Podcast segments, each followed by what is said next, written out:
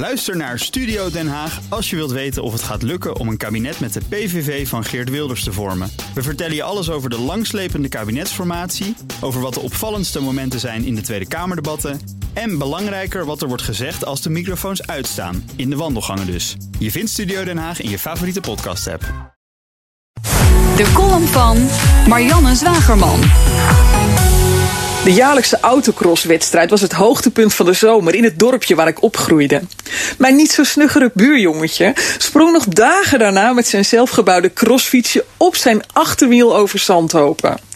In zijn hoofd deed hij mee met de grote jongens.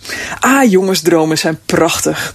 Wereldheerschappij was zo'n droom. Het stond boven een document dat in 2006 op mijn bureau landde. Ik had de twee mannen van Geen Stijl gevraagd op papier te zetten wat ze van plan waren met hun weblog. Op dat moment nog een hobbyproject.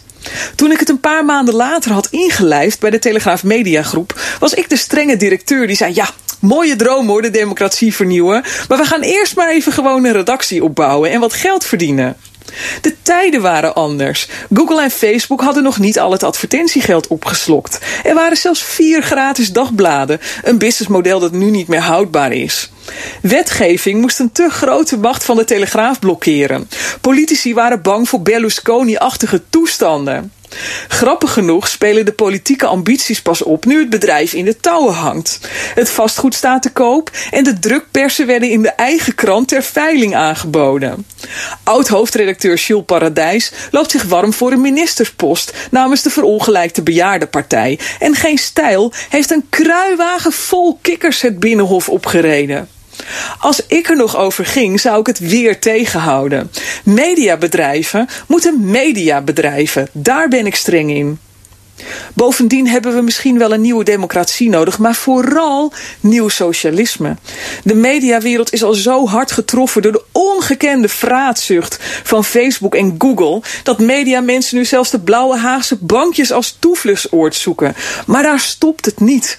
Wetenschapper Stephen Hawking waarschuwde in The Guardian voor het doorgeschoten kapitalisme, in wat hij het gevaarlijkste tijdperk voor onze planeet noemt. Internet heeft het mogelijk gemaakt dat een kleine groep personen enorme winsten kan maken zonder banen te creëren. Dat is vooruitgang, maar sociaal destructief, zegt Hawking. Het creëert een in de geschiedenis ongekende ongelijkheid, waar ongekende ellende van zal komen, tenzij iemand ingrijpt. Want dat kan. Een nieuw economisch systeem, nieuw socialisme, nieuwe gelijkheid. Dat is de jongensdroom die we nodig hebben. Dringend. Maar die komt helaas niet van minder snuggere jongetjes op hun crossfietsje. De column van Marianne Zwagerman. En die kunt u terugluisteren via bnr.nl en de BNR-app. Bij BNR ben je altijd als eerste op de hoogte van het laatste nieuws. Luister dagelijks live via internet. Bas van Werven. En heel langzaam komt de zon op rond dit tijdstip. Je krijgt inzicht in de dag die komt op BNR, het Binnenhof in Nederland en de rest van de wereld. De Ochtendspits. Voor de beste start van je werkdag. Blijf scherp en mis niets.